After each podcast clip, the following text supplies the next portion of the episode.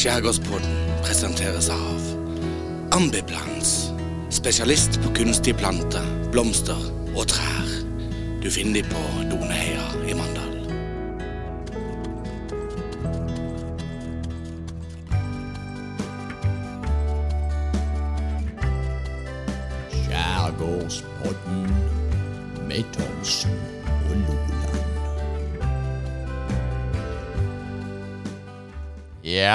var vi i gang igjen. Endelig. Endelig torsdag. Ja, og i dag var det rett på. Ja, Jeg hører du er grumset i halsen. Ja, jeg hører det. Du er fremdeles det. Det er tydelig. Ja. Du, også, selv om det, sant, det er jo torsdag er jo en merkedag for oss. For da møtes vi jo. Og så Ja. spiller vi inn denne skjærgårdsbåten. Og så slippes han ut på en torsdag. Mye er knyttet til torsdag. Men folk hører jo på denne podkasten eh, eh, når som helst. Ja, Så, men eh, hva, hva betyr torsdagen for det, Jon Erik?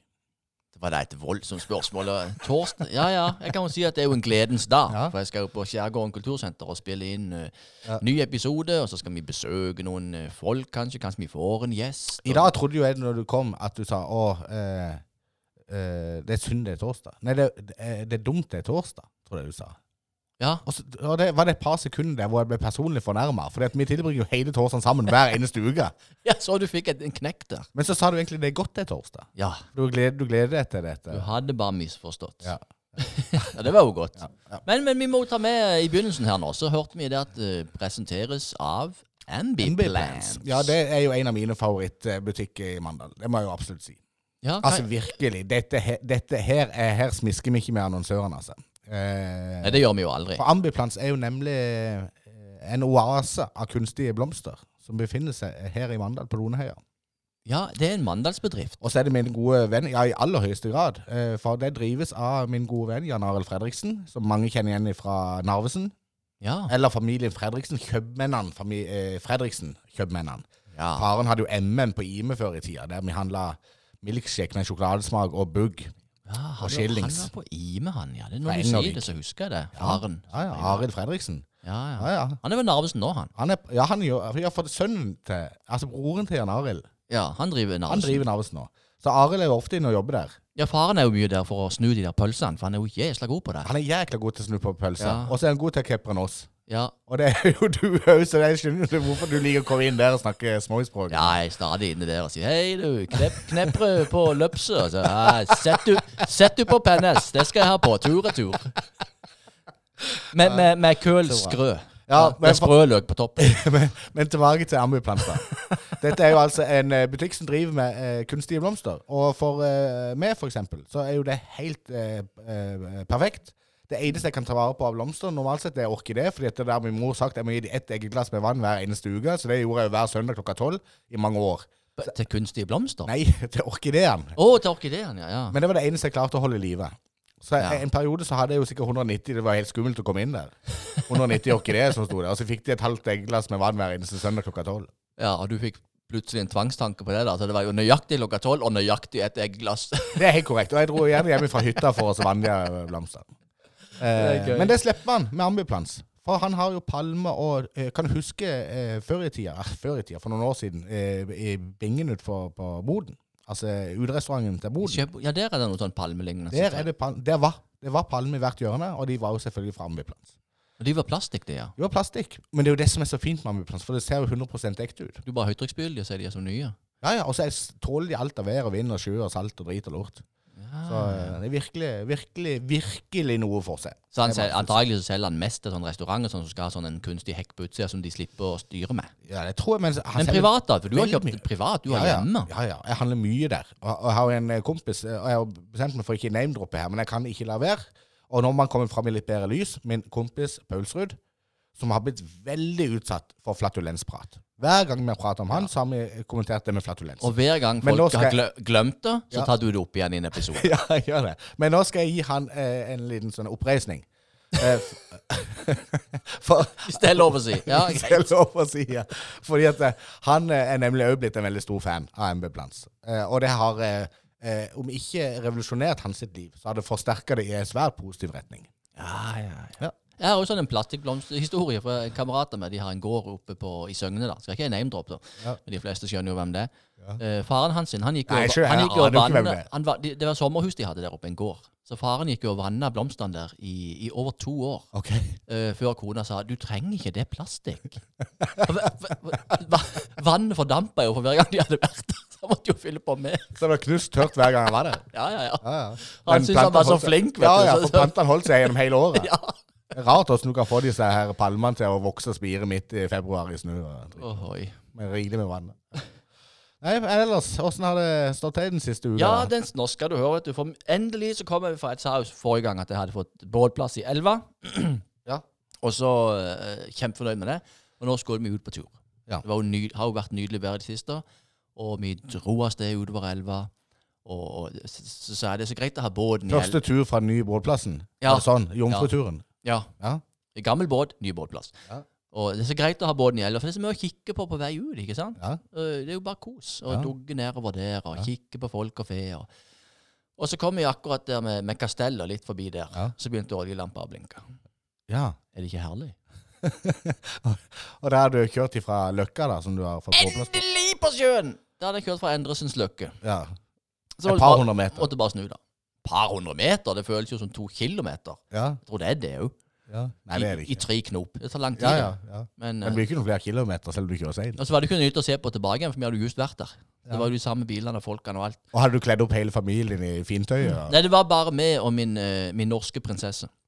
Din norske prinsesse. Ja, du tar jo alltid med deg din kenyanske prinsesse, så jeg med min norske prinsesse. Så det var oss. Ja. Så hadde bare dugget tilbake igjen og legget til kai, da. Men det jo, endte jo opp med at vi måtte gå på landehobb isteden. Oh, ja. Ja, ja, så det, og der var det jo kjempefint. Ja. Så det var gøy. Men jeg hadde jo sett det før, det òg. Så, sånn sett. Ja, ja. Og så, så kommer jo enda noe gøyere, da. For etterpå så fant vi ut vi skulle spise noe mat. Så vi fant ut hvor skal vi sitte hen, da. ja. Uh, finne kanskje en plass med fin utsikt. Det er jo så fint vær. Og så ville vi ikke det. Og så, vi, ikke... og så kjørte vi inn i den gata med, med puben, der som du jobba i de tider. Ja, ja, ja. Så sto det sånn Chinese restaurant open. Jeg trodde jo den var lagt ned for mange år siden, for Nei, de flyttet jo til Mones.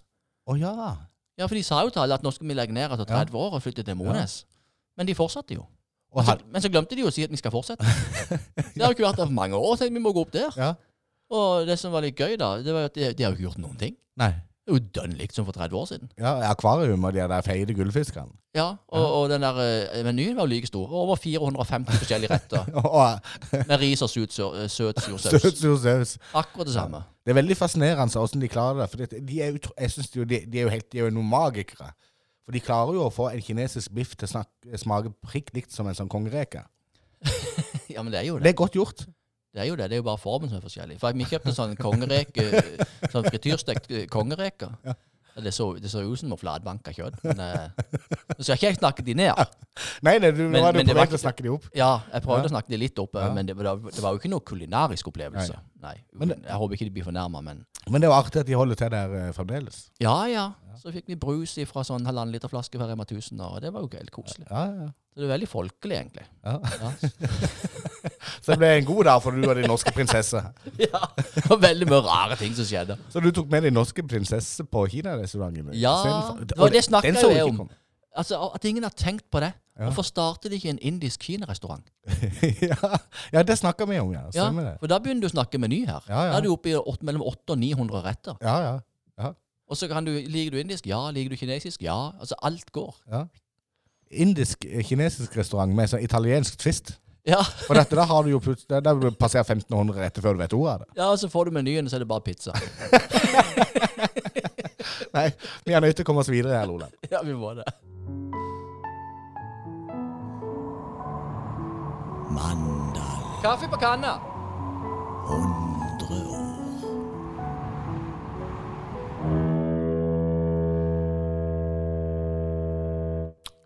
Det er kaffe på kanna. Olav. Ja, man må jo være jovial selv om jinglen går. Ja. Eh, og for nå måtte du sende ut en beskjed til våre kontormedarbeidere. Ja. Ikke kontormedarbeidere, det høres jo litt sånn Hun hun driver jo helt for seg ikke sjøl. si, Hun er jo sekretæren vår. Men vi deler lokalet med, med Gerd. Ja. Eh, og nå kom Gerd, og eh, da eh, føler du Du har opplysningsplikt. Så Ja, det, du, du får si at det er kaffe. Hun kjøpte jo kaffetraktoren, så da må jeg iallfall si at kaffe, hvor Ja, kaffen står. Kaffekanna òg er Ja, hun si. Og den, eh, vi har tatt kaffetrakten min, og så har vi en kaffekanne inne på vårt kontor. Ja. så jeg følte jeg måtte gi beskjed. Men vi skal over til historier, og jeg har gleda meg som en unge, for nå vet jeg hva du skal prate om, tror jeg. Ok. Eh, Har det noe med badehus å gjøre? Ja, det har det faktisk. Yes. Ja, og det vet jeg du har gledet deg til. Og så tenkte jeg skulle gi deg den, eh, fordi at jeg har skjønt at det betyr mye for deg. Men du kommer nok ikke til å få så mye snadder av det du har lyst til, for du vil jo helst prate om brann. Altså, det, det, det, forundrer meg. Det, og der må vi inn i din oppvekst etter hvert på tida. For det har skjedd et eller annet der i forhold til brann. Det kan det ikke være noe tvil om. Nei, for det, Du blir jo helt ekstatisk hver gang vi kommer til et eller annet som har med brann å gjøre. Og da blir du helt sånn Og nå, og nå var det den brannen, var. Det var en brann. sant? Det var ikke med! Det var ikke med! Nei. Nei, grunnen til det er at jeg er veldig lei meg for ting som forsvinner. Ja. Som jeg mente var i utgangspunktet en god idé. Ja. Akkurat som badehusene. Hvorfor er de vekk? Når de endelig ble tatt, Ja. ja. endelig, når de ble tatt vekk den, en gang, hvorfor satte de ikke opp igjen? Den restauranten som brant opp i heia der. Tenk for en beliggenhet! Med den utsikten. Absolutt. Tar han ikke opp igjen? De skal fikse opp hus ut med Hva heter det på sjøstandsleiren der? Stjerna. Ja. nå, nå, nå rykte om at de skulle bygge nytt der. Det skal de jo ikke. Da da så jeg for meg ok, da slenger de på tre etasjer, så har de piano bare i tredje etasje. Med utsikt utover Mannefjorden. Wow! Ja. Men Den scenen vil jeg spille på. Nei, han, eh, jeg holder på å si Lille-Ola. Hva heter han Lillebjørn Nilsen? Hvem er han der pianomannen? Hæ? Lillebjørn Nilsen, pianomann. Hva er det han het for noe, han NRK-pianomannen vet du, fra før i tida? Å ja, han med ikke store briller? Ja, ja, ja. ja, ja, ja. Vil du ha han til å sitte og spille Dette er vi gode på. Her er det navn. Hæ? Utrolig bra. Men vi skal snakke litt om disse badehusene. For badehusene hadde jo en, en eh, sterk posisjon her på Sørlandet. Ikke bare i Mandal, men over hele Sørlandet så bugna det jo over av badehus. Ja, når det endelig ble lov for alle å bade på strendene. Ja, og tingen var at eh, badehusene hadde jo en misjon eh, eh, Antageligvis, sant? det var jo omkledningsrom. Det var jo en plass å henge og være. Men ikke minst en plass å hoppe ifra og stupe ifra. Mange av disse badehusene var plassert der hvor du kunne eh, hoppe rett ut i vannet.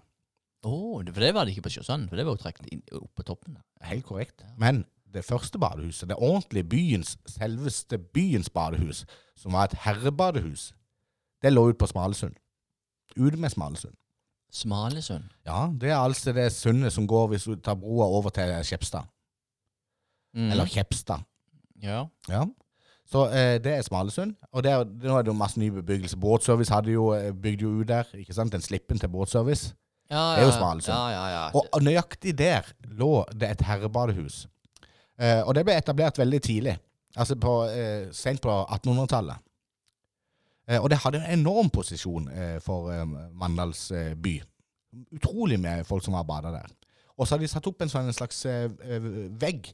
Så de bada fra andre sida av badehuset, altså mot idrettsparken og ikke mot Skjepstad. For der kunne jo komme forbi noen på hest og kjerre, noen som Å, labba. Og i den tida der så bada jo mennene uten klær. Å, nå begynner brikkene å falle på plass. Ja. Så da brukte de badehuset som et slags, eh, slags eh, sånn et skjold mot omverdenen, Ja. hvor de fikk lov til å være i fred. Eh, og det var jo et herrebadehus, dette her. Sant? Så det var herrer som var bada der, og de stupte. Og blant de som var der mye, så var det en velrenommert, velrenommert, velrenommert operasanger Å, fra Mandal. som var Kan du, kan du huske hva han het for noe? Jeg vet bare han Lone synger litt i opera, men jeg tror ikke han levde Det da. var en stund, en stund før Even Lone. Men det var Albert Simonsen. Operasangeren Albert Simonsen. Og han skrev faktisk om badehuset eh, med Smalesund. I 1903 så skrev han en liten tekst, et lite vers. Og det går sånn som dette. Det kjempes en kamp mellom ti abonnenter. Man puffer, man drukner, man hoster. Man kremter i Smalesunds eneste trappe. Det gjelder å være rappe. Å ja, så det, det, var, det var liksom Det var veldig populært òg, dette her. Det var ekstremt som populært. Det var kø. Og jeg har sett noen bilder, ikke sant. Eh, eh, Blant annet, Det er jo et legendarisk bilde her. Det er vanskelig for folk å se, men nå skal jeg vise det et bilde her, Loland. Så kan du beskrive det du ser for våre lyttere. Og da er, vi med badehuset i Smalesund. Og når du ser på det stupet som blir foretatt her Oi, oi, oi, oi, oi. Sva, svalestup fra Det er jo fem meter høyt. eh, det, det er det nok. Og der har de altså rigga til, eh, som jeg nevnte innledningsvis, med en slags sånn stupetårn på toppen av badehuset. Utrolig stilig. Dette er jo eh, Det ligger jo da der som bådene Altså Nye Vestnes, de ytterste husene der. Yes. Det har jo en sånn Vigen der hvor de legger båtene. Og det, Akkurat der og det var jo der eh, båtservice sprang ut. eh, på midten av 50-tallet. Eh, jeg lurer på om det var så seint som i, i fire- 54. Eh, og da lagde de en kanal der. Og da tok de vekk dette Ja, en slipp, rett og slett. En slipp. Mm. Og det, og, der, og det er vi jo tilbake til, det hvor du sier hvorfor det er dumt at de ikke kommer opp igjen. Så Det hadde sin naturlige forklaring at det forsvant, Ja, vi måtte ha arbeidsplasser. men det ble dessverre ikke satt opp igjen. Nei. Så har vi jo òg eh, Sånn burde du gjøre i dag, hvis du river sånne flotte ting fordi at du skal ha en bedrift. Og det er jo positivt, for vi må, vi må ha arbeidsplasser. Ja. Men da må du eh, liksom erstatte det du tar ned, og setter en annen plass. ja, men det, vet du hva, det er så viktig. Hvis vi får containerhavn i Mandal nå, Ja. all den steinen de skal blåse vekk for å få den styggeste innseilinga i hele Nord-Europa, Ja. de får erstatte det. Sette, en, sette sammen igjen de steinene en annen plass. Jeg er helt enig. For det, det som er, og dette er jo veldig aktuelt for Sodeviga, som du er inne på her nå. Ikke sant? Nå har vi gjort det med Strømsviga, det er bomba sønder sammen, og nå er det Sodeviga som står for tur. Og Ja. eh, Jeg husker for noen år siden så var jeg veldig opptatt av det. Jeg hadde lyst til å skrive leserinnlegg, for jeg var så forbanna at jeg nesten skrev den ned. Men jeg gjorde ikke det. Nei, nei, nei. Men det å bevare er jo å utvikle. Og det jeg tror jeg er veldig viktig for byen. Ikke sant? Eh, Jeg har lyst til å sende ut en tanke i forbindelse med det. For Ja. Hvis du er nede på solkysten i Spania, så har de latt eh, De har bare latt folk bygge. Det er leiligheter og hoteller og alt langs hele kysten sin. Eh, og mange tenker oi, det er godt ikke vi gjør det i Norge, for da hadde det jo ikke vært noe skjærgård og litt sånn strender og fint. Alt hadde bare vært leiligheter. Men, og det er jo bra at ikke vi har gjort det, da, for da har vi jo en flott natur. Men er det bedre å lage steinhoggeri og, og containerhavn langs hele kysten? nei, det er det ikke. Nei, da vil det heller ta blås ut den Sodeviga og bygg noen flotte leiligheter, da. Eller vært mye finere. hvis du først skal ødelegge det. For en del år siden så var det jo planer om å bygge sånne resort der. Sånn slags feriested i, Sodviga. Og det var tegninger på det òg. Et hotell med noe leilighet og hytte og litt sånn. Mm. Men det ville være for stor inngrepen i naturen, var svaret. De fikk Ja. tilbake utbyggerne. og nå har altså det, disse her galningene fra Jæren, Garpestad og co., fått eh, anledning til å sprenge hele heia, hvis de vil. Ja. Det, det, er der, Uten at det er alvorlig inngrepen i naturen, antageligvis. det er noe med det der hvis du, hvis du dreper én mann, så er du en morder. Hvis du dreper fem, så er du en massemorder. Hvis du dreper alle, så er du en gud. Aha. Aha. Det, det, det nesten, det hørtes nesten litt sånn eh, bibelsk ut. Ja, det er lyrics fra bandet Megadeth. Er, er det sant? Ja, det er sant. Yes. Men eh, tilbake til ba badehusene. For det er jo som, eh, som du sa, det er helt riktig. De hadde jo badehus på Sjøsand òg. Eh, og det som er interessant med Sjøsand, er at det ble, det ble ikke noe sånn særlig attraksjon eh, eh, for, for bading eh, før på 30-tallet. I 1932. Og vet du hvorfor? Nei. For da ble den første landsleiren for guttespeidere arrangert i Mandal. Og det ble jo en tradisjon at eh, landsleiren for speidere ble ofte eh, arrangert i Mandal. Eh, og du har kanskje vært, du, jeg vet jo du er på Småi en gang i måneden med dine kompiser. Der henger du et svært ærverdig flott bilde fra Vestnes med Ja, ja. 5000 mann. Det er fra landsleiren i jeg lurer på om det er 748 eller et eller annet sånt. Mm. Men det var en svær begivenhet, dette her. Og det var de som fikk øynene opp for Sjøsand. Så i 1932. Eh, og det er jo et veldig flott bilde her. Altså Dette bildet som du ser her, eh, det kan du jo få lov til å beskrive til våre lyttere nå. Derfor hadde jeg, skal prøve å forklare. For her ser du midt på 30-tallet, det bugner av folk på Sjøsand, og det er bare jenter. Det er som sild i tønner tønne og en hel haug av trebåter som ligger. For det var speiderleir for jenter. Ja. Landsleir. Men de bader ikke nagne. De bader ikke nagne. Og i den forbindelse så ble det satt opp eh, badehus eh, på Sjøsand. To stykker. Et for Og det var i den forbindelse de satte opp, faktisk. Av landsleiren. Nei, eh, ikke, det tror jeg ikke, men det var av at det ble populært å bade der. For folk hadde ikke Ja. fått øynene opp for Sjøsand før dette. Nei, Jeg ville tro at det var noen speidere fra en annen kant av landet som sa Nei, dæken, sier de har dritsvær strand her, her er jo bare å hive seg uti. Ja, mandalittene sto bare Å, kan vi det? Ja, men det var faktisk sånn. Ja. Ja, Så det var de som fikk øynene opp. Se for, på eh, den stranden, gutter! Se på den! Nei, jenter var det kanskje. Vi hiver oss ute. Her er de strender. De skjønner det ikke sjøl. Her er man for idiot. Ja, så De fyrte opp to eh, badehus der, ett for gutter ett for jenter. Og det er bak den ærverdige restauranten ligger, som brant ned. Og nå kjenner, nå merker jeg at det gnistrer. Nå er det- gnistrer det i øynene dine. Er det bilde av den? Restaurant Knausen. Det er bilde av den i Mandal bys historie. Yes, I Mandal bys historie bind 3 der får du et fint bilde av badehusene, og bak på Knausen, eh, midt langs eh, Nesten bak bestemor. Litt Ja. nærmere, litt nærmere Jeg trodde han lå oppe i Steinheia der, liksom. At man kunne finne ruiner. Men han ligger jo midt på stranda. Eh, og der finner du restaurant Knausen, da, som eh, hvor det var kafé med leskedrikke og diverse. Så Mandal har en eh, stolt eh, badehushistorie i Loland. Men fant du ut noe som helst eh, offer de ble reven? På, både på trappestrendene og, og badehuset på Sjøsanden? Jeg gjør ikke det. Eh, og det men der, vi tar gjerne imot tips. Jeg vil tro det var Furulunds venner. Som det. Her skal vi kun ha furu! Du, og det, det minner meg faktisk om Jeg er nødt til å si det, eh, selv om dette er midt i en historie. For når du sier at jeg tipper det var Furulunds venner Det er litt dårlig gjort å hive de under bussen. Akkurat som de ville gjort det. Men for noen år siden så, så hadde jeg hørt på vår ærverdige lokalradio Lindesnes nærradio. Og så kan du huske dette det første året eh, Det er ikke så mange år siden, men de, de lagde sånn skiløype i Furulunden. At folk kunne gå på ski. Kan oh. du huske det? De lagde sånn jeg tror det var Intersport Mandal som eh, lagde skiløyper for eh, byens befolkning. Det kan jeg ikke minnes. Nei, men de var ute med sånne løypemaskiner uansett. Men så tok det jo bare et par dager, og så var det liksom noen som hadde gått liksom på kryss og tvers i de her skiløypene. Og så ble det jo leserinnlegg, og noen har ødelagt skiløypene. Det var helt forferdelig. Og dette tenkte jo Lindesnes nærradio, dette må vi jo ta opp. Vi tar tak i det. Det var jo en kjempesak for Lindesnes nærradio. Og da sitter det jo ei på Linsnes Lindesnes, eh, nærradio. La oss kalle henne for Annbjørg, for eksempel. Ja. Eh, hun er ikke fra Mandal. Eh, hun er fra Vigeland. Ja. Eh, men eh, hun hadde løsninger på dette. For med en gang denne diskusjonen kom opp, så istedenfor å drodle litt om hva som kan ha skjedd her, så sier hun Jeg tror bare vi får legge skylda på våre nye landsmenn. og så, så ble det helt stille i, i studio der. For hun satt sammen med en annen, og så prøver han andre å si Ja, men det er jo ikke sikkert det Ja, men de er jo ikke født med ski på beina, sånn som vi. og så ble det helt stille igjen. Ja, nei, men det, det kan jo være For det kan jo ha vært rådyr, prøvde han seg med, ikke sant? som kan ha kommet ut i løypa der og forvikla det litt til. sånn. Nei, jeg tror vi legger skylda på våre nye landsmenn heller. Så er vi ferdig med det. Ja, ja, så de fikk hele skylda for at løypene i Furulund ikke eh, ble holdt i stand. At de var ute og hadde sabotert dette, for de hadde ikke lært seg å gått ordentlig på ski. Ja, Ifølge skikkelig politisk ukorrekt. Ja. Men sånn er det. Sånn var det i nærradioen forrige tida. Men jeg har ikke lyst til å legge eh, historien om badehusene død. Nei. Men jeg kan ikke fortsette nå. Men jeg- Eh, men jeg ønsker å få inn noen tips. Ja. Og gjerne, hvis noen har noen bilder, så send det inn på de Facebook-sidene våre. Så vi får noen fete bilder av disse badehusene som lå rundt forbi. Da hadde jeg vet jeg iallfall Jon Erik Loland hadde blitt veldig glad. ja, vi er veldig, veldig glad. Og apropos Furulund og um, Furulunds venner og alt sånt. Jeg husker jo når jeg var 18, så var, var det jo et tre som ble sagd ned i Furulund. Ja, Det er det, den ene gangen det skjedde. ja.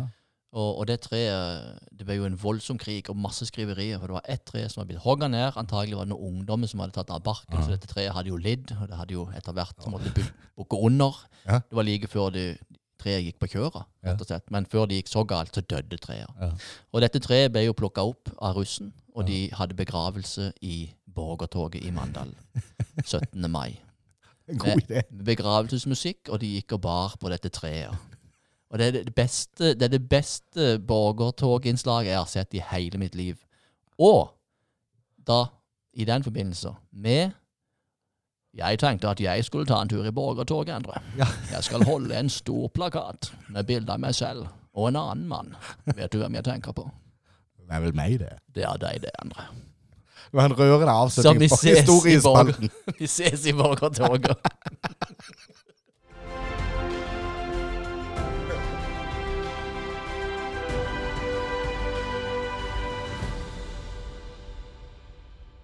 Ja, vi det- går for borgertoget, altså. Ja, ja, ja. ja. Så det er bare å stå klar. Her kommer vi. Men er det, da er det, tenker du det er mer det som går i dette toget, eller skal vi ha Skal, skal vi invitere folk med, eller?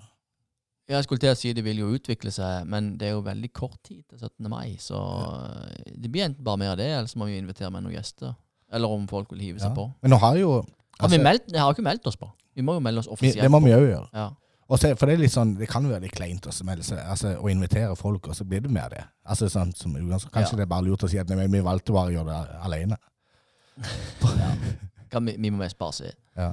Og så den fana vi skal ha med oss. For det har jo noe med også for Når vi først skal dyrke det der eh, lille egoet vi har skapt oss nå, så, så er det jo fint. Altså, det er jo fint hvis ikke vi på en måte blir helt sånn eh, satt i skyggen av et svært eh, skjærgårdstog. Så vi er med det, også denne her gigantiske fana. Ja, jeg tror det kan være greit. Ja. ja. Så ikke det blir noen forstyrrende elementer. Men det kan jo være jeg må jobbe med noen andre ting på 17. mai. Da Da blir det du da som går med den fa- fana. Ja, da må jeg få en eller annen nisse til å stå i andre sida og dra i den fana, så, så, så alle kan se det. Men det, det er jo veldig fint hvis noen melder seg som vikar til flaggbærer for borgertoget, så kan de jo eh, si det at de er tilgjengelige til å være vikar. Hvis det er sånn at jeg må jobbe akkurat de her timene. Ja. Hvorfor skal du jobbe på 17. mai? Jo, jeg er jo i restaurantbransjen. Det er jo en av de store dagene. Du er jo ikke det. Jo, visst ikke. Jeg er jo bare av og til. jo, Ja, du må jo ikke sette deg opp på 17. mai. men 17. mai er liksom en sånn På 17. mai skal jeg faktisk eh, i baren på redaktør på dagtid. Ja. Eh, Men det kan være jeg er ferdig til Borgertoget. Oh, ja, ok. Ja. Jeg skal der fra morgenen. ikke sant? Det er jo 17. mai-frokost. Ja, ja. Ja, ja, Men, for ja. første gang på to år. Egentlig, oh, ja. For det har jo vært korona. ikke sant? ja, da skal jeg holde kjeft. Det er greit. Ja. Men hva har du gjort? Vi, vi, drø, vi har jo drøsa mye nå. Du, jeg har men- vært i Danmark. Ja, takk. Det var det jeg, det jeg ville inn på. For Ja. I begynnelsen så pleier man å spørre Ja, men- og det nevnte jeg jo ja. i forrige episode, at jeg gleder meg veldig til å reise til Danmark. Ja. Og nå har jeg vært i Danmark, ja. og det var veldig gøy. Det var veldig fint. Må jeg bare få lov til å benytte anledningen til å si Det var en ordentlig familietur. gratulerer med det. Tusen takk. Ja. Nei, det var helt knall. Vi var i Århus. Ærverdige, gamle Århus. Ja. Jeg tror det er Danmarks nest eldste by. Nå vil jeg sikkert komme til å få kjeft. eh, I går hadde jeg jo besøk av Nils Reidar Christensen her på kontoret. ja. Uh, og det, vet du hva, det er Nils Reidar Christensen, alle dere, dere, de fleste vet jo hvem han er. Han er jo en gavepakke til Skjærgårdspodden. Mm. Fordi at han er jo på en måte det levende Mandal bys historie. Mm. Så jeg ringer til han, og hvis han er litt lei av meg, og det, det kan jeg det, det merker jeg hvis jeg liksom, Nå har jeg mast litt vel mye, så får jeg bare tekstmelding tilbake igjen. Det står i bind tre i Mandal bys historie. Kan jeg komme inn og lese. Men så liker han å komme over på besøk. Så i går kom han jo med en Post-It-lapp fra- eh, Post-It-lipp. ja. Post-It-lapp. For han måtte gå gjennom noen ting. Eh, og da hadde han bare liksom slått sammen eh, en del episoder, liksom. Altså, for du sa det den gangen, du sa det den gangen. Men, eh, og det var feil. Eh, for jeg sier, Ja. jeg sier av og til noe som er helt feil. Men det som jeg sa som var riktig Men skal vi spille inn de episodene på nytt, eller? Nei. Nei. Nei. Men det er jo veldig greit for meg altså, altså, som en byguide å få det verifisert. Ja, ja, ja, for å rette opp det som uh, For å rette opp historisk med, ja. person. Ja. Akkurat. Ja. nei, så det er ikke, det er ikke Jeg tror han er særdeles godt fornøyd med Skjærgårdspodden. Greit at du sa det én gang feil, men du trenger jo ikke å trykke uh, feilinformasjon inn i trynet på folk. Det- Nei, og det, jo og det er derfor jeg sier til de folka som er med på byvandring òg, at det er utrolig hyggelig at dere kommer. De må bare aldri komme eh, to ganger. Ja. Kun én gang. Fordi at det, det kan være disse historiene har utvikla seg til neste gang dere kommer. Ja, ja, ja. Eh, men han kom faktisk med et par ting eh, i går som eh, var veldig interessante. Som vi kan rette det opp nå? Ja, ja, men da Ja, men det, det, det, det bare tilleggsinformasjon. Ja, ja, Og det handler om Stangheia. ja. For vi var jo på tur på Stangheia. Og dette var jo ikke en del av Skjærgårdspodden, men det var en del av den filmen vi lagde. Den sagnomsuste filmen om Stangheia. Som ligger på vår Facebook-side. Med sett av mangfoldige tusen mennesker. Ja. Uh, og der, altså, til dere lyttere som ikke er kjent med det, så lager vi en video sånn sirkus en gang i uka, hvor vi tar en liten labbetur i lunsjpausen, og så dokumenterer vi den. Og da har vi vært på Landhovde, vi har vært på Kronheia, og så har vi vært på Stangheia. Mm. Og det er på Stangheia så har han kommet med litt sånn tilleggsnadder. Ja. Det første var jo egentlig Ronny Hansen som kom med på Facebook, for han, han er jo en sånn quizmaster. Så han kommenterte jo det at det Stangheia er greit, det. Stangheia er Stangheia. Men denne dynamittbua, eller den eh, kanonbua som vi besøkte, som Reidar Eeg fyrer gårde bollene fra, den ligger på Mølleheia. ja. Det er greit. Det er to heier der. Ja. Så det er den første eh, tatt. Er Ronny fornøyd? Men denne her eh, eh, fløyen opp, eh, på toppen av Stangheia, den fine vimpelen der oppe, eh, Ja. den ble satt opp i 1921. Og det passer jo veldig bra i forhold til hva vi holder på med nå for tida. For det, vi skal jo arrangere 100-årsjubileumsshow. Mandal 100 år fra 1921 til 2021. Og Nei. denne fløyen ble satt opp i 1921. Og den ble ikke satt opp av hvem som helst. For det var jo selvfølgelig eh, morfaren til Nils Reidar Christensen, som var kemner på den tida. Og kemneren i 1921 han hadde mange roller, men han var liksom en slags husøkonom for Mandal by. Så det som er på en måte rådmann i dag. Ja. Eh, men ikke bare morfaren, men selvfølgelig også farfaren til Nils Reidar. Så de to støypte denne støypen til denne fløyen i 1921. Og det interessante med det er at de heiv inn eh, penger i støypen. Nå er det veldig viktig at folk ikke går opp og hamrer løs på det der, for det må få lov til å stå. Men inni den støypen så ligger det én valør av hver sort fra 1921. Altså én ettøre, to øre, fem øre, og alle sammen datert 1921. Ligger inne i støypen. Det er jo altså 100 år etterpå så forteller vi det. Mm. Det er jo fantastisk mye artig. Ja. Ja. Og den, eh, det som er gøy, er at den eh, vimpelen der, den skal vi ha inn i gamle Mandal kino under 100-årsjubileumsshowet. Så vi skal jo knytte den der. Vi skal inn den vimpelen, ja. Ja. Med hele støypen. Med hele skiten. Kommer drassende med den gjennom Bryggegata. Terrengtransport. Sponsa terrengtransport. Den største kranbilen de har. Ja. Nei da, men jeg har vært i Danmark, og det var veldig hyggelig. Jeg var jo i Tivoli Friheten. Friheten Tivoli i Århus. Og det var veldig gøy. Og Der hoppa min sønn i sånn fritt eh, fall 80 meter, et eller annet sånt. Det var helt sjukt. Men det tivoli der, det var helt genialt. Så er det noen av våre lyttere som skal til Århus, eller til Danmark for den saks skyld, så vil jeg anbefale på det varmeste å stikke innom Friheten. Friheten. Friheten i Århus. Tivoli. Tivoli. Friheten.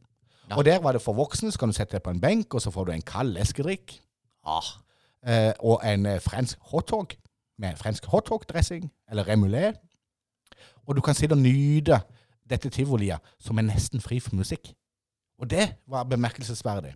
For når tivoliene kommer til Mandal, så blir jeg ofte veldig sånn for hodeverk i løpet av et minutt. For alle disse aktivitetene, om det er en sånn en bamsebod hvor du skal skyte med lortgevær, eller om det er radiobil, eller om det er sofaen, eller whatsoever Alle disse aktivitetene driver jo sitt eget diskotek. Har du merka det? ja, Alle har sin egen ja, musikk. så forskjellig musikk, ja. Og dette er inne på liksom ti eh, kvadratmeter. Jeg aner ikke hva en kvadratmeter er. Men på et veldig lite område så skal, så skal det være 100 diskoteker som gønner på med sin eh, diskomusikk. Ja. Sånn var det ikke i Friheten. De hadde felles. De had, ja, og det var ikke noe særlig musikk. Det var så avslappende så deilig å gå rundt der. Og ungene hadde det dødsbra, og de voksne hadde det helt perfekt. Ja. Så det var en særlig fin helg. Fikk dere tatt noe bilde, da? Sånn opp i høyden. Ja da, ja, jeg, jeg gjorde det. Jeg satt jo på kne, for jeg måtte jo være med opp som en sånn en, eh, motivator. Og det er jo det dummeste jeg kunne ha gjort. Uh, wow, wow, wow, som Kopperud ville sagt. Wow, wow, det er jo det dummeste du kan gjøre. For jeg har også høydeskrekk. Så det, når jeg sto der på alle fire på toppen og skalv, som er et lite eh, redd, eh, et redd lite dådyrbarn, så var jo ikke jeg den største motivatoren for eh, mine gutter som skulle hoppe derifra da. Ikke sant? For Jeg holdt jo på å skrekke sammen sjøl. Jeg hadde pissa på meg fire ganger bare på vei opp. Ja, for dette var en ny form for sånn bungee jumping. For her har de hoppa ut i et nett med hjelm på seg, uten strikk til beina. Ja, Og svær skinne på ryggen. Og Så så ned skulle i- de med den skinna. for at kroppen skal ligge stabilt, sånn at ikke du vrir deg rundt i, i, i lufta. Å, så du må lande som en stokk oppi nettet? Ja, så liksom. du, du lander egentlig som en, ja, som en stokk eller som en slags sånn potetsekk. Det var helt, det var helt vilt. Det hørtes jo helt vilt ut. Men de hoppa, begge to. Ja. Eh, Tøft gjort. Ja, og jeg måtte bare være tøff med det, for jeg sa at dette er jo Nå så jeg ei dansk jente på deres alder som hoppa, og hun var smilende fornøyd når hun landa. Og det hadde jo vært kritisk flaut om vi må ta heisen ned igjen, og dere kommer ned med hjelm og skinne på ryggen. Ja. For det var mye bedre når du kom ned med heisen, for du hadde ikke hjelm på deg. Ja, det var jo på en måte Jeg var jo bare oppe som observatør. du bare later som du var en av teamet. Yeah, daus, ja, sko deilig. For å si det sånn, eh, ikke, det teamet hadde ikke vært fornøyd. Jeg hadde ikke solgt mange turer i det her oppe. Må ikke gå opp der, eller steiga. Jeg helt idiot. det. Ja. Nei da, så sånn har min uke vært. Ja, det er jo fantastisk. At noen kommer seg ut og reiser igjen. Det, det er gøy. Men hvis vi skal rekke det vi skal gjennom i dag, Ja. så må vi la Danmark og Århus være Århus. Og så må vi komme oss videre, for vi skal nemlig til ukens gjest. Ja, spennende. Ja da, ja da, ja da. Jeg syns jo at hvis du har sånn en skjærgårdspod, så kan du jo invitere gjester. Noen som har utmerka seg eller noe. Ja, det syns i hvert fall jeg, så.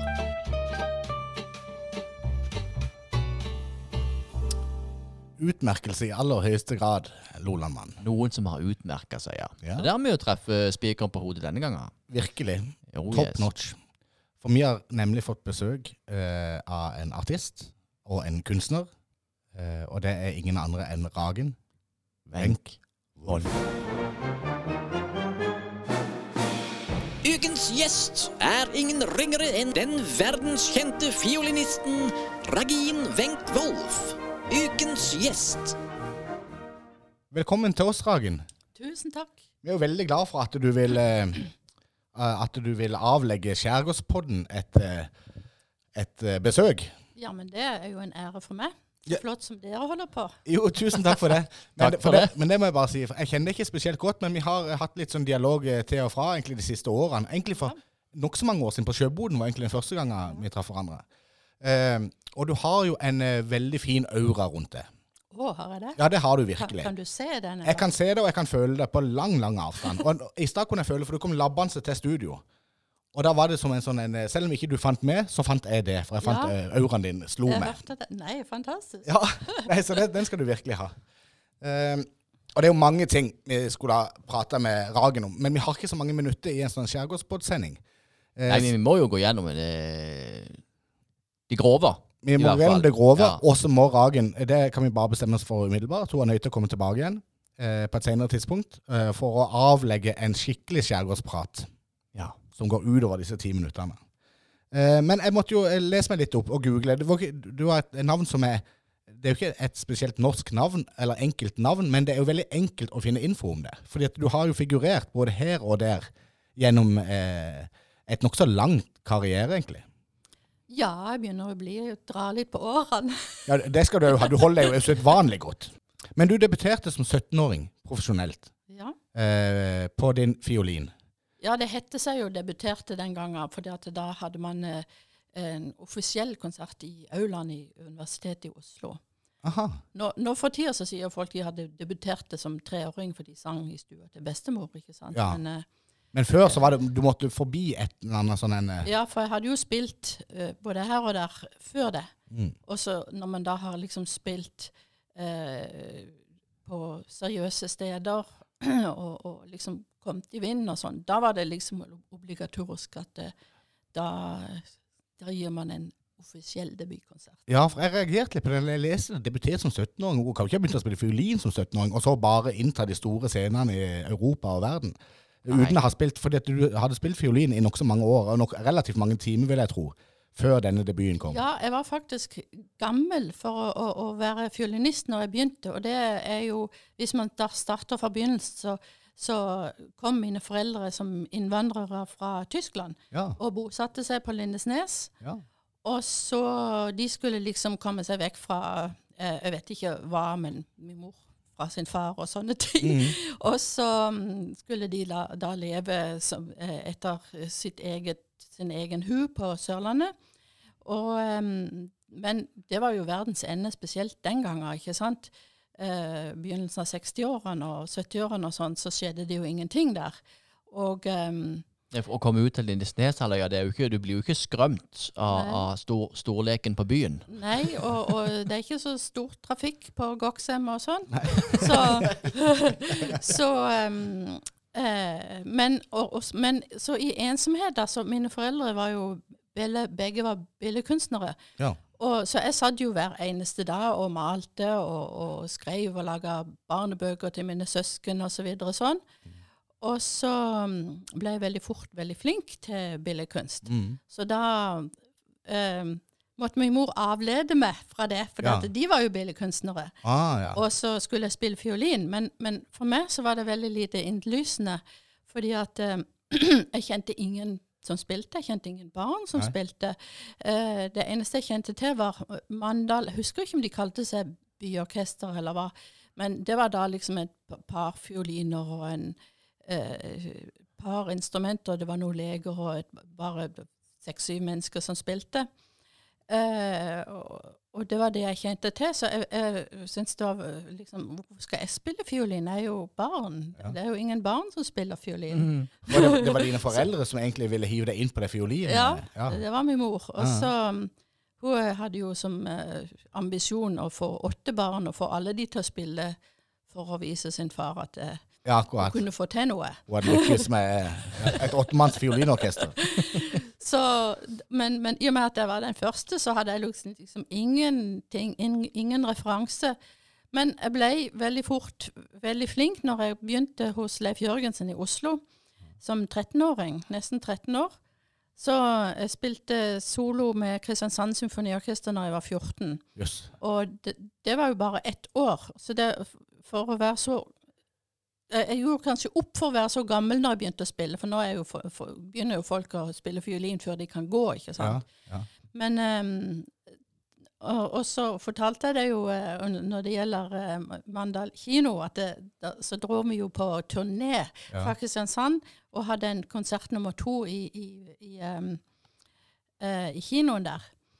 Og så spilte jeg motsatt fiolinkonsert, og så spilte jeg en um, kadans, som det heter, som er liksom der hvor man, solisten viser seg fram. og Orkesteret er stille, og, og solisten liksom er ekstra briljant og viser seg fram, og de kan finne på noe sprell og egne ting og sånn. Og det gjorde motsatt sjøl, og det gjorde alle på hans tid, og, og alle etter og sånn. Og det er en kjent ting, var en kadanse, i hvert fall innen klassisk musikk. Ja. Og så som 14-åring så ble jeg jo da litt sånn overraska og skuffa når han kritikeren i Lindesnes avis skrev det at ja, sånn og sånn, det var jo bra det, og sånn og som hun spilte, men så spilte hun en, en kadans som hun hadde skrevet sjøl om, og motsatt hadde tillatt det. Det skal være usagt. Ja. det er fantastisk. Han som gjorde det sjøl, Ja. og elsker å gjøre det. Ja, det er jo helt utrolig. Men da hadde du altså spilt eh, aktiv fiolin i ca. ikke mer enn et år, og så var du solist eh, Ja. sammen med Kristiansand Symfoniorkester. Mm. Ja, Det må jeg jo si er relativt god utvikling i løpet av et år. Er man da et talent, eller har man øvd mye? Jeg tror det er begge deler. Fordi at eh, når jeg kom til Oslo, så skjønte jeg jo, da kjente jeg jo plutselig mange andre på min alder som spilte. Og da ble jeg inspirert, og så tenkte jeg å, det er sånn det, er sånn det er.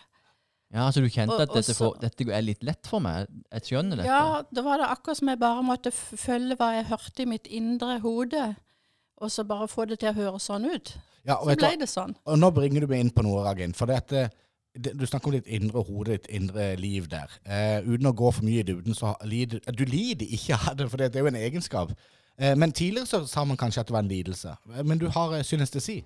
Ja, og jeg kjente faktisk ikke til ordet før for, for noen få år siden, for at jeg trodde det var så normalt at alle hadde det sånn. Ja, selvfølgelig. Men, men eh, det er jo en evne, egentlig. Det er jo bare det at sansene kobler seg sammen u, u, uh, uvilkårlig, uten at du kan noe for det.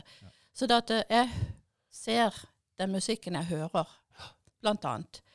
Og den ser du i form av lys og farger? Den ser jeg i form av farver og former, og høyt og lavt, og tykt og tynt, og nært og fjernt, og hardt Ja. og mykt, og så.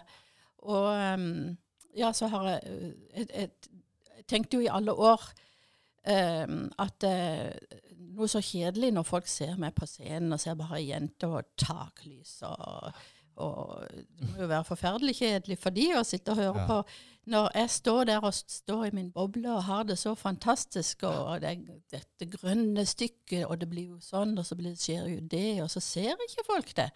Og hva Så- gjør man da? Og da hadde jeg jo som plan i mange, mange år å lage et show ut av mine konserter hvor jeg står inne i min egen, egen boble, og folk kan se det jeg ser mens jeg spiller. Og det er da projisert på et stort lerret. Gjerne ja, hva var det for noe på Kilden i Kristiansand? Var det fire ganger åtte meter, noe sånt? Og så er det projisert også på gulvet i en eh, sånn L-fasong, sånn at det blir mer tredimensjonalt. Og så står jeg midt oppi det og spiller live til et ferdigprodusert visuelt eh, produkt som da kan eh, tilpasses eh, um, sånn hastighetsmessig, i hvert fall min spilling, sånn at ikke jeg må tilpasse mitt spill til det visuelle. Ja.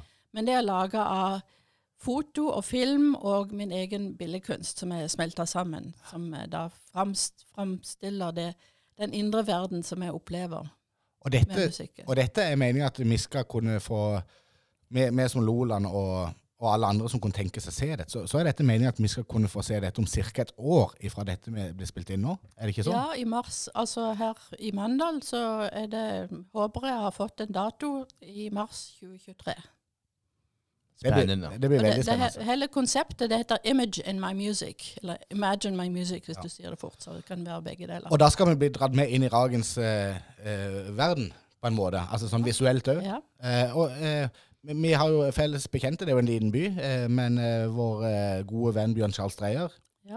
han har jo skrevet en doktoravhandling ja. om synestesi, faktisk. Og da ble jo det, det var jo første gang jeg Det er jo et par år siden. Han har dette, han òg? Ja. ja. Og det var første gang jeg ble presentert for egentlig den egenskapen, Mm. hvordan den fungerer. Utrolig spennende. Og enda mer spennende blir det jo når du setter opp et show som eh, mannen i gata kan få lov til å gå til og få oppleve liksom, på nært hold. ja. Men kan jeg spørre, um, eh, jeg blir nysgjerrig, for jeg er jo litt, litt artist sjøl. ja. Når du er på scenen i din boble og koser deg, gjør det at du får mye mindre press og mindre nerve før du skal på en scene? Det kommer litt an på, men, ehm, men eh, altså, jeg, har jo min, jeg er jo i min boble uansett. Og jeg mener du, ikke bare i showet mitt, men du mener sånn generelt. Når jeg står i min Du er jo, Ja, på, ver altså, du er jo på når jeg, når jeg er in the zone, som det heter. I, hva er det på norsk? Altså, Ja, I, I sonen. I sonen, Ja, ja. altså. På, på, på glid, liksom. Da, da Det er topp. Det fins ikke noe bedre i verden. Og da er det ingenting utenfra som greier å bite på. Da er du liksom Ragen på det indre, Ja, innerste. eh, Ja, egentlig. Det skal mye til, i hvert fall. Men disse fargene og, og figurene som du forteller om, og sånn, som du ser, eh, er, det sånn, altså, eh, er det sånn at det blir liksom sånn hypnotisk virkning? At du ikke trenger å forholde deg til så mye til publikum, fordi at du er der inne i en verden som er så mektig på en måte? Hvis du forstår hva jeg mener. Ja, altså Mener du når jeg, har, når jeg, lager, når jeg spiller i Når det showet? spiller, ja. Mm. i det showet. For da ser jeg jo egentlig ikke, jeg står jo med ryggen til, Mm. og så er, jeg bare, så er jeg jo belyst med, med projiseringer Mm. i øynene, så jeg blir jo blenda av det. Så jeg ser jo ikke noe av det sjøl. Men, men jeg vet jo hva som, eh, hva som eh, er der. Men, men det som er nesten er viktigere, er at det, du føler jo om du har publikum med deg. Ja. Og, og, og, og det hadde vært kjemperespons på at folk syns at det, ja, det passer så godt til musikken. Og, og ja, jeg må si, jeg gleder meg som bare det til å oppleve det. Det høres veldig Det er spennende ikke mange fiolin. Jeg, har vært så, altså, jeg er jo så lite bevandra i musikk som det kanskje går an å få blitt.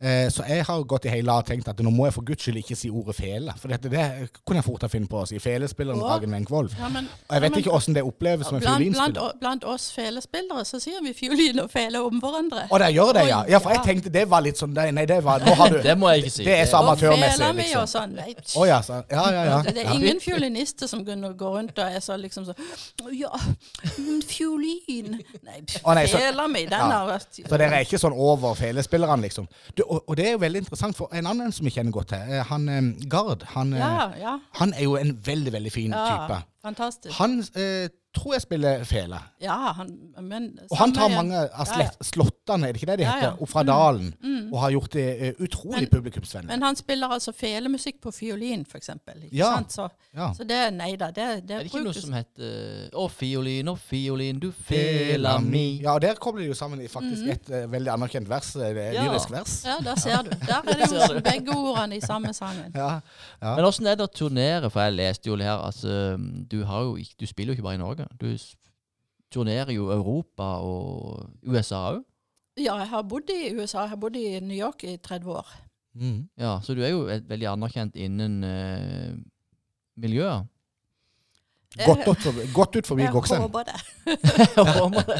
ja, men det er jo eh, store komponister som har skrevet låter Ja, til sant. deg, er det ikke ja. det? mhm. Vil du helst ikke snakke om det? Jo Blir da. det for mye skryt? Jo da. Nei, for eksempel eh, Johan Kvandal, eh, en stor norsk kompon- komponist, har skrevet både en sol- solosonate til meg. Mm. Den er faktisk med i Det syns jeg egentlig er toppen i det showet mitt, er, er den solosonaten. For der er det, er det veldig mye sånn eh, skummelt og sånn som kan skje i skogen, vet du. Ja. Her, eh, når det er litt skumring og sånn, så blir det nifst i skogen, ikke sant? Ja, ja. Og så er det huldrer og, og, og troll og, og, og mye rart. Så det, det syns jeg er et veldig tøft stykke som jeg har, eh, som jeg har eh, med på, på midten av det showet der. Ja. Og så har, har du spilt med Arve Tellefsen. Jeg har spilt med han, ja. Eksempel når um, NRK feirer 25-årsjubileum. Tenk det, det var 25-årsjubileum. For NRK, ja. ja det, det, det, var ikke, det var ikke for forfjor. så, så, så gjorde de noe veldig innovativt som de aldri hadde gjort før. Det gjorde de på, på, live på sparket. Og de hadde fire fiolinister som var pl- plassert hver på sitt sted i Norges land. eh, Arve Tellefsen var i Oslo. Og så Elise Båtnes, som er konsertmester i Oslo Fi- Filharmonien nå. Eh, hun var bare ei lita jente. Hun sto i Trondheim, og så en i Elverum, og så meg i, på Lindesnes. Og da fant jeg på da kan jeg stå oppi lykta der på Lindesnes eh, Fyr. fyret. Jøsses. Så oppi linsa der. Ja.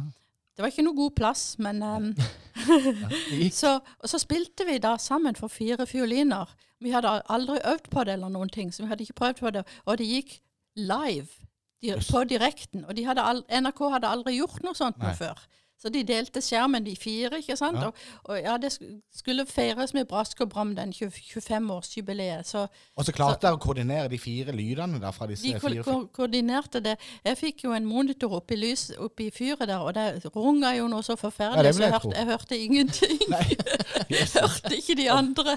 Men er det, dette er jo kanskje noe vi må finne fram, eller som lytterne kan finne fram i NRK Arkiv. Ja, det Ja, de, det. de er gode til å arkivere. Det, skal jeg rett hjem og søke opp. Hva søker du på da? Det kjenner jeg. 25-årsjubileum? 25-årsjubileum, for eksempel. Det hadde jo vært det er jo en kjempeidé. Mm. Da tenker jeg du får noe treff. Ja. Men eh, hvor går ferden videre? Nå har du fortalt litt om at du skal eh, show. Uh, eh, som ikke heter det. Kan du gjenta det navnet på selve showet? Image in my music. Image, image in my music. Da drar du, Jeg føler du drar litt av New York allerede inn der, liksom, i tittelen. Syns du det? Fra New York til Goksem og om hverandre. Ja, ja, ja. To sider ja. samme sak, det. Og ellers er du jo aktiv. Ja, på søndag så mm, skal vi spille en eh, konsert i, eh, her i Mandal, som skal ta, ta inn penger til Ukraina. Det så jeg plakat om. Det er jo fantastisk. Det er veldig, veldig bra. Men eh, jeg tror rett og slett vi må haste videre, Loland, for dette tida er fyr, dessverre. Men jeg håper virkelig at du kunne tenke deg å komme tilbake igjen til oss, Absolutt. hvor vi går enda litt mer i dybden. For dette her, her var det mange interessante ting å ta tak i. Mm, absolutt. Tusen hjertelig takk for at du kom. Takk for at jeg fikk komme.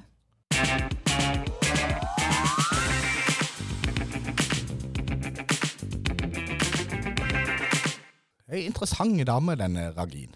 Absolutt. Og det som eh, vi var inne på i eh, intervjuet, vi må lage en, eh, et sånn et, hva vi kaller skjærgårdspraten. Med Ragin. Skjærgårdspraten. Ja, og da skal vi komme enda nærmere inn på disse tingene med konserter rundt forbi i hele verden. Det er fascinerende greier. Altså, det er så mange Vi, vi er veldig jordnære i Mandalittaen. Eller utenom mer av det, da. Ja, Men alle de andre jeg trodde du snakka mer av det nå, Nei, nei. For det er vi overhodet ikke. jo merkunderlig utskudd. Det er lenge siden jeg har hatt beina på jorda, for å si det sånn. Ja, jeg har ingen plan om det. Nei, nei, nei. Det, er- det er nok av de som gjør det. Ja. Mm. Det er en drittjobb å fly her oppe, men noen må gjøre det. Men nå har det altså vært sånn et eh, Det har vært så mange minutter nå med positivitet og deilige, gode tanker at vi er nødt til å komme oss inn i bjeffespalten vår. Ja, Vi må ikke glemme å være negative. Nei, for guds skyld. Her må det gannes. Ja.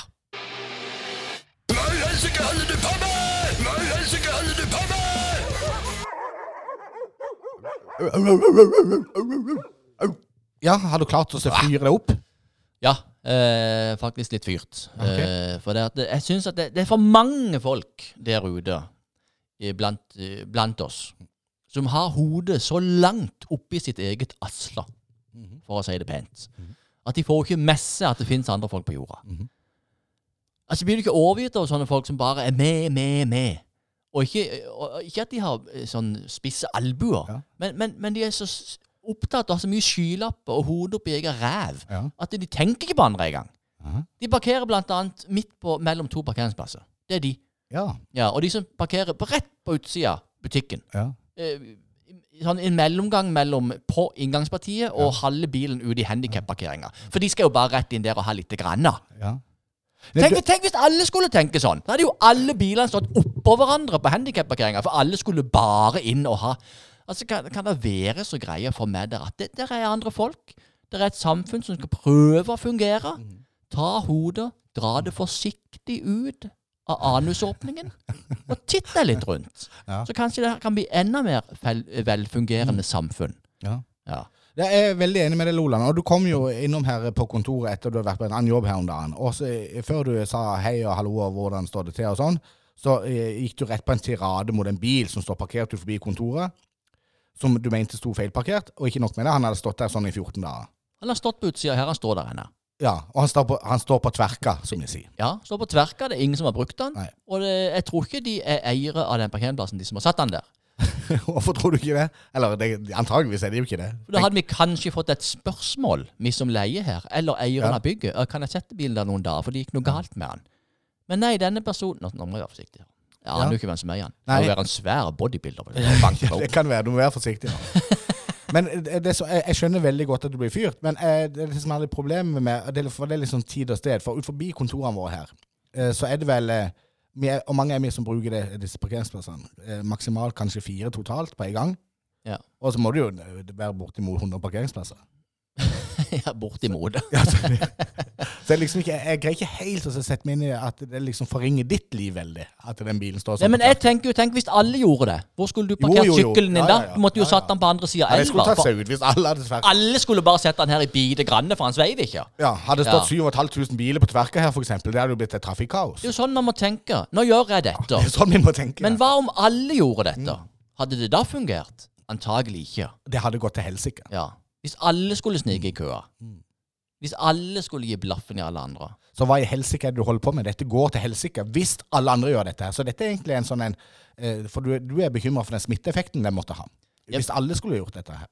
Ja, vi må prøve å bremse det litt, for alle er jo ikke sånn. Men Nei. det er mange som er sånn. Mange som er sånn. Ja. Ja. Men åssen får, vi stopp, hvordan får vi stoppa de? Jeg hjelper det å si til de over en, eh, en podkast at nå må dere få ut det der hodet av Det, det, skal, altså. det hjelper absolutt ingenting! Men jeg får Men jo du litt får lettere. frustrasjon. Ja, Yes, og det, det var hele godt. poenget. Ja, og det ser jeg nå. Sank, da sank Har ikke, du vært, har ikke du noen gang vært på et toalett? Du kommer inn på et toalett, Mhm. og så er hele skåla full av drit. Altså Jo, fra jo, bunn opp til toppen. Fytti. Ja. Tenk hvis alle skulle gjøre det. Mm. Hadde det vært koselig da? Nei, det hadde ikke Nei. Nei. Men det er derfor jeg aldri konsekvent ikke går på offentlig toalett. Du gjør ikke det, nei? Nei. Nei. Nei, Da må jeg. Altså, da må jeg, så må jeg. For å si det sånn, eh, jeg skal være temmelig døden nær. Eh, Og eh, for å gå på toalettet på eh, rutebilstasjonen i Kristiansand, f.eks. Går du på det? Eh, Nei, jeg, jeg, når du sier det, jeg går ikke på mye offentlig Nei, nei, nei. Jeg går på sånn, inn på en restaurant og sier hei. Jo, der er det som regel greit. Ja. Og hvis, ikke, og hvis det er drit fra, uh, fra gulv til tak der, så må man jo ha ved til å si fra òg. da kan man jo ikke Ja, si det. da, nei, da kan man jo si fra til Ja. noen i det minste. Men en annen ting, når vi først er inne, ta den moralsk kjennepreken Mm. For eh, Norge er kjent for å veldig, være veldig rent og fint land. Ja. Eh, turistene blir overraska over hvor rent og fint det er her. Og det er derfor at vi som ikke har hodet langt oppi opp i asla, vi tar med oss søpla, Mm. og vi hiver søpla i søppel... Altså, tenk hvis alle, for Når du går tur i Fjordlunden, så ligger det alltid noe søppel. Ja. Tenk hvis alle skulle gjøre sånn. Ja. Tenk hvis alle skulle hive sneipene overalt. Tenk hvis alle skulle hive søppel overalt. Vi hadde jo vassa i søppel. Ja. Sant? Mm. Sant? Tenk litt sånn. Ja. Jeg skal begynne å tenke mer sånn. Hvis alle, tenk hvis alle hadde gjort det. Det er sånn katastrofetenking på veldig høyt nivå. Hvis hele verden Det er akkurat som de kuene som fiser. Hvis alle fiser på en gang, så, går, så eksploderer verden. Og man kan jo bli sprø av, av mindre. Eller man kan jo bli engstelig av mindre. Ja. Det min sinnasak. Er din Men, ja, og den er veldig beslekta til din sinnesak, faktisk. alt. Å, Eh, For det handler jo om at folk må få tatt hodet sitt ut av sitt eget rødhål, og så begynne å tenke på at de er ikke alene i denne verden. Vi er helt på bølgelengde her. Vi sitter i samme båt, som du liker å si, Loland. det er det jeg liker å si. For jeg var jo nemlig, som jeg nevnt tidligere, så var jeg jo i Danmark forrige helg. På familietur. På familieweekend. Og Som skal være trivelig og koselig. Det skal være trivelig og koselig, og det var det helt til vi skulle hjem med Color Line. Det er flere ting med den turen som gjør at jeg blir sinna. Eh, og jeg trenger ikke ta alle nå, men det viktigste, det er han er der idioten av en eh, bilsjåfør, eh, bilsjåfør, en sjåfør, som ligger foran meg i køa. Så kommer vi inn på Color Line, ikke sant? og så blir vi vinka av en sånn en Litt sånn en eh, små, eh, trøtt og lei, sånn en eh, Hva kalles det for noe? Sånn en anviser. Kai-ansatt. Ja, kaiansatt. Eller noe sånt. Og så viser han oss inn, altså han bilen foran meg, vi- vi- han viser oss, han foran meg, pluss meg, inn til venstre, helt til venstre, langs veggen på Color Line. Mm. Og for de som har tatt Color Line mer enn én gang, de vet at hvis du står helt inntil sida, så må du vente når du skal kjøre ut. Fordi at hvis du kjører rett fram da, så smadrer du jo rett i veggen. Sånn, du må flettes inn i en av de midterste filene. Ja, ja. Senterlinja statlig. liksom Som Og han foran, men han foran meg, han eh, ble òg vist inn til veggen. Men det han gjorde når han der kaiansatte snudde ryggen, han bare vippa bilen rett ut og så parkerte i midten. Fordi han antageligvis så for seg at eh, han eh, skulle komme fortere ut av båten. Ja. Og da ble jeg så jævlig forbanna at vet du hva jeg gjorde? Nei. Jeg gikk ut av bilen, så tok jeg med meg et balltre som lå i bagasjerommet, og så smadra jeg inn alle rutene på bilen hans. Mens de satt inne i bilen. Hele familien. Tre barn i baksetet, ei kone i passasjersetet og han foran. Og alle på båten begynte å juble og heie. Stor applaus! Ja. Nei, jeg gjorde ikke det. Men jeg ble så forbanna at jeg banna inni meg. Du tenkte da. Jeg tenkte det veldig høyt. Jeg, Ja. Det kokte i et vedde. Men alle har jo gjort det på et eller annet tidspunkt. Visualisert seg og bare ta det ballet. Ja, ja, ja. Og, og og vet jeg dagdrømte. Det var en nydelig dagdrøm, og det var helt fortjent. Tenkte, for en... Og så slo det meg for Disse barna, det må bli noen dårlige folk.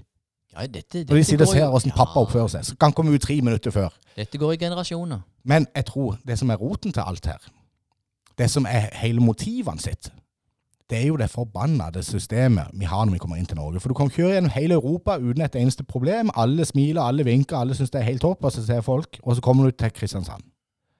Og så står det da altså noen tollere som eh, kanskje ikke kom inn på Politihøgskolen eller på, i Forsvaret eller et eller annet sånt, og så skal de ta folk. Så folk sitter jo, du føler deg som en megakriminell, bare du skal kjøre forbi en toller. Ja, ja, ja. Og så noe som òg irriterer meg kraftig med den eh, kaia der. Det er at Jeg skjønner ikke hvorfor du skal kjøre ut eksempel i to filer fra båten, og så 30 meter etterpå så skal alle inn i ei fil. Og så forbi det der dumme grønne skiltet. For Når når, du kommer til Hirsals, så fyker du bare rett ut av hele Hirsals og er i gjøring før du vet ordet av det. Du får ikke blunka mer enn fire ganger. Men de klarer ikke å regulere trafikken i byen. Nei. I Kristiansand. Nei. De har jo prøvd i 30 år. Ja. De får det ikke til. Nei. Så du må stå der, du kommer inn klokka halv ett på natta, så må du stå der i halvannen time. Ja, og da er du litt trøyt, og så har ungene spydd på båten, og så er de dårlige, og så er det sånn drit, og så får du en sånn amøbe av en idiot foran deg i køa, som tror at han skal være lur, og så, og så gå vekk ifra direktivene som denne kaiansatte har fått. Et, han har fått et embete om å ta vare på eh, bilene og folkene. Og så har du en idiot med tre unge bak setet som ikke gidder å høre etter. Vurderte du, når han kjørte over der, så han snudde jo ryggen, han kaiansatte, så kjørte han over i midten. Vurderte du å trykke hvert av de i bånn da? Nei, jeg vurderte å gå og sladre til han kaiansatte. Ja. Men kjørte du fram på den plassen han egentlig skulle? Ja, ja, ja, så jeg overtok jo hans plass, selvfølgelig. Så du hjalp han i, i snydinga? Ja, på en måte så gjorde jeg jo det, men jeg kunne jo ikke hekte meg etter han, for det er jo barn i baksetet. Ja, ja, måtte oppføre De det. kan jo ikke lære av sånn noen bedriten oppførsel av voksne folk. Så det var mitt, eh, mitt lille bjeff for dagen. Nå gleder jeg meg til outroen for bjeffinga, for da senker skuldrene seg ned når du har fått ut. Å, det blir nydelig. Ja, det er så godt å være ute, ut, vet du. Å, sånn. Ja.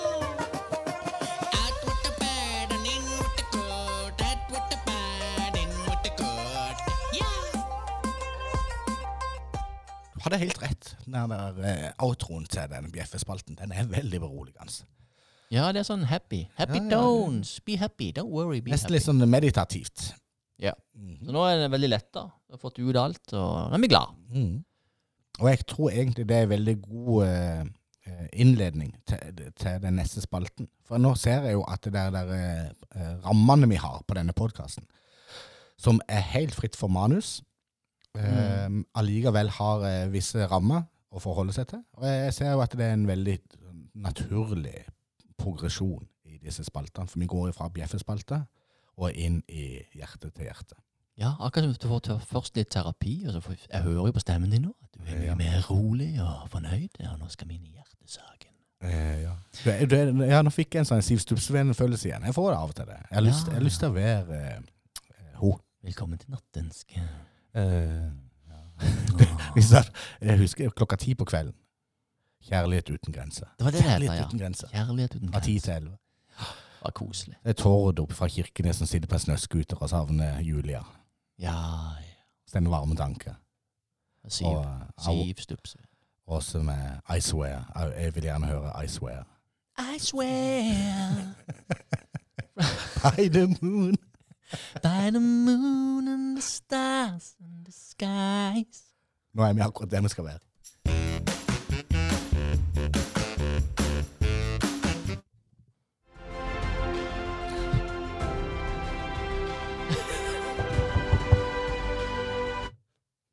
Ta den riktige. det var aldri historie. Intro til hjertet. Nå er vi nesten tilbake igjen til Jeg trodde, Sinnasspalten. jeg trodde faktisk vi hadde det. Jeg trodde,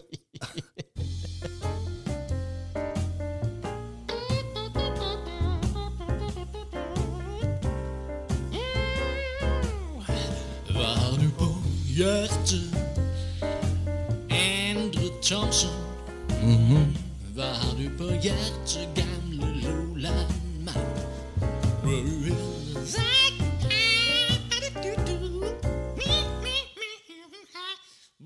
Du, nå så elevene for meg når du sitter oppe i den tredje etasjen på den nye Knausen restaurant i den pianobaren, og så Ja. spiller denne. Mhm. Med utsikt utover Mannefjorden. Mhm. skal jeg spille en sang som jeg har lagd sjøl, som jeg har kalt for Hva har du på hjertet?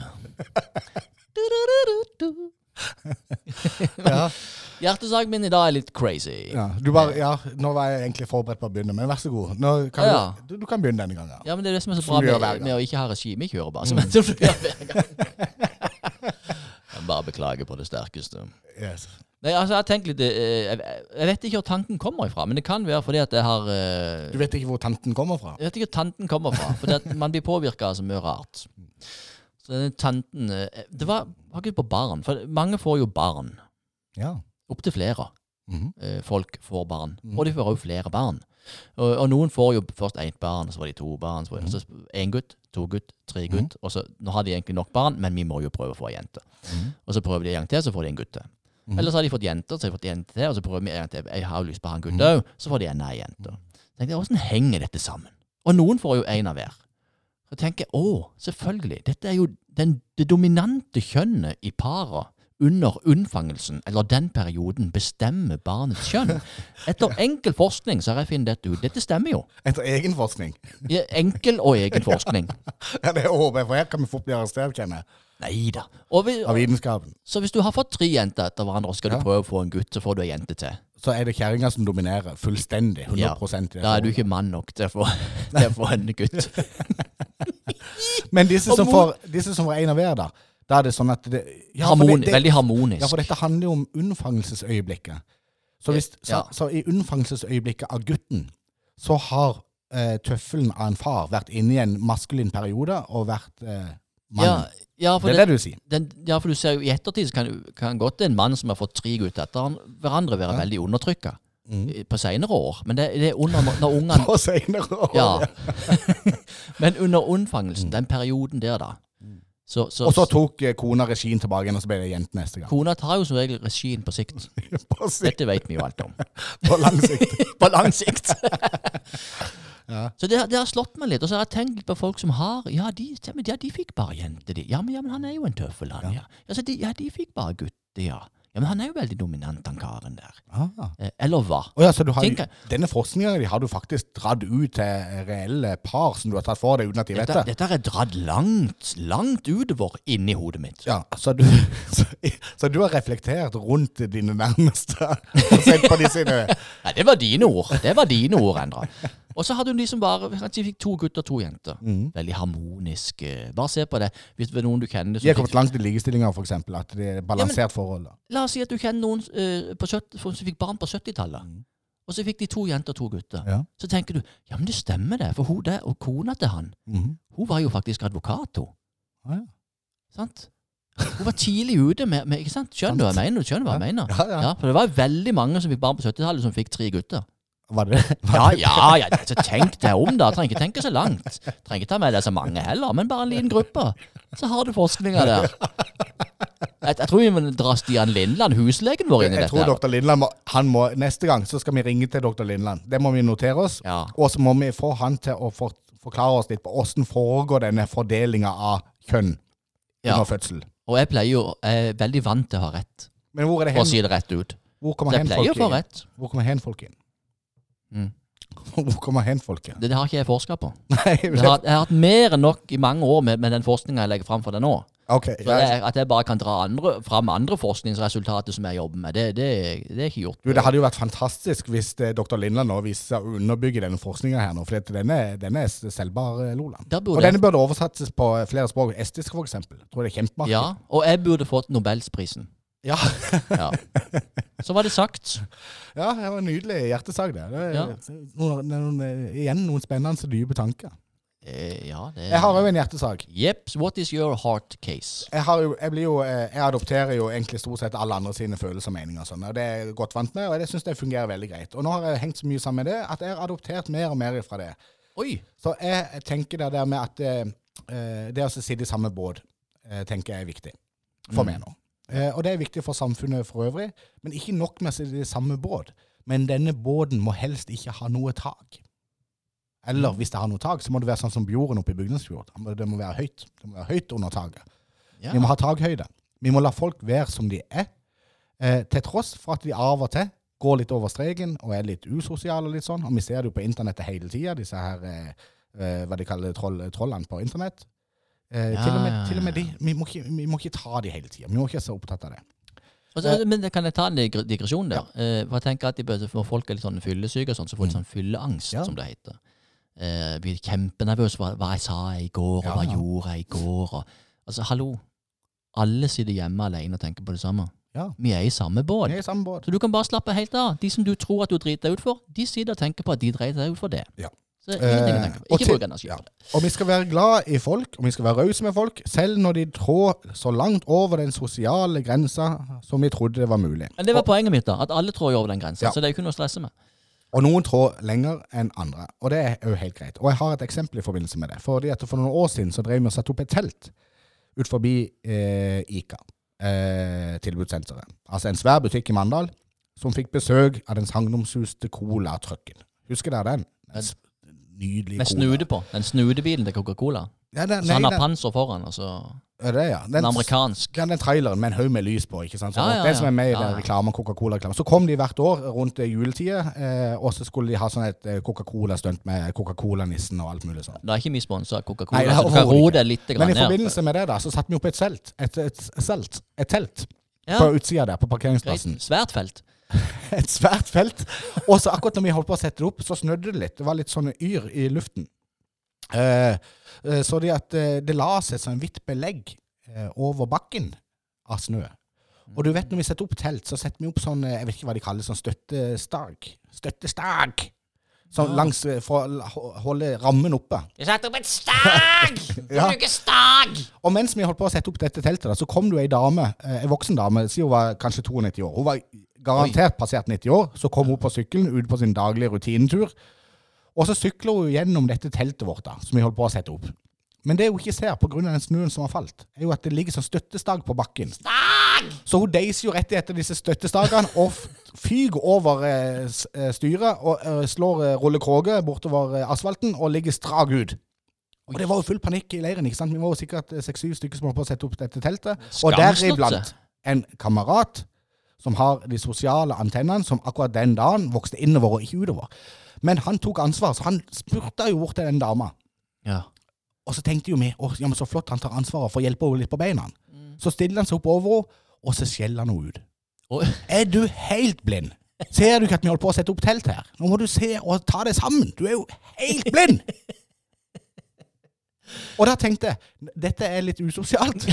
Litt. Men allikevel, han er jo en grei fyr. Og, og kanskje ble han bare redd, og så ble reaksjonene hans sine, eh, litt sånn eh, motsatt. Ja, for han var jo redd for at han han skulle få skylda, så da måtte han jo legge skylda på henne. Ja, så, han, så omsorgspersonen forsvant litt ut av han, og så kom liksom den eh, eh, moralpreken istedenfor. Men eh, allikevel, det er jo det jeg mener. Vi skal, sang, vi skal, vi skal si noe om han. vi skal ta vare på han. Og så skal du og så, Ja. Eller, Og han må få lov til å være seg sjøl. Eller hun. Og så skal du knytte dette sammen til at vi er i samme båt. Er hun i samme båten? Eller? Nei, men vi skal tillate at han eh, kanskje eh, dro eh, grensa litt langt i forhold til det som var usosialt. Ja, at han fikk panikk da, ja. Ja. Mm. For vi kunne jo ha, ha fortsatt hans oppførsel på en måte, og løpt bort til han mens hun lå der med knekt lårhals, og skjelt ut han, fordi ikke han fikk lov til å skjelle ut henne. Men da ville Ja. hun bare balla på seg. Og da er vi tilbake til det du nevnte tidligere i sendinga. Tenk hvis alle skulle gjøre det. For Da hadde du plutselig stått 150 stykker og skjelt hverandre ut. Ja, da hadde det blitt sånn spanske forhold. Ja. Men da tar vi heller, så sier vi heller Nei, Arild, kom nå her. Kom her. Så. Nå name-droppa du, forresten. Kom her. Så legger jeg armen rundt deg, og så tar vi, setter vi oss ned her og tar en kaffe. Ja. Dette kom til å gå fint. Dette går fint. Hun hadde levd et langt liv før hun døde her i kveld. Ut forbi Ica med colabilen som, som likskue. Og arven ødelagt. Sykkelen. Men det er godt. Det er godt å få Vi er i samme båt, vet du. Ja, sånn er det.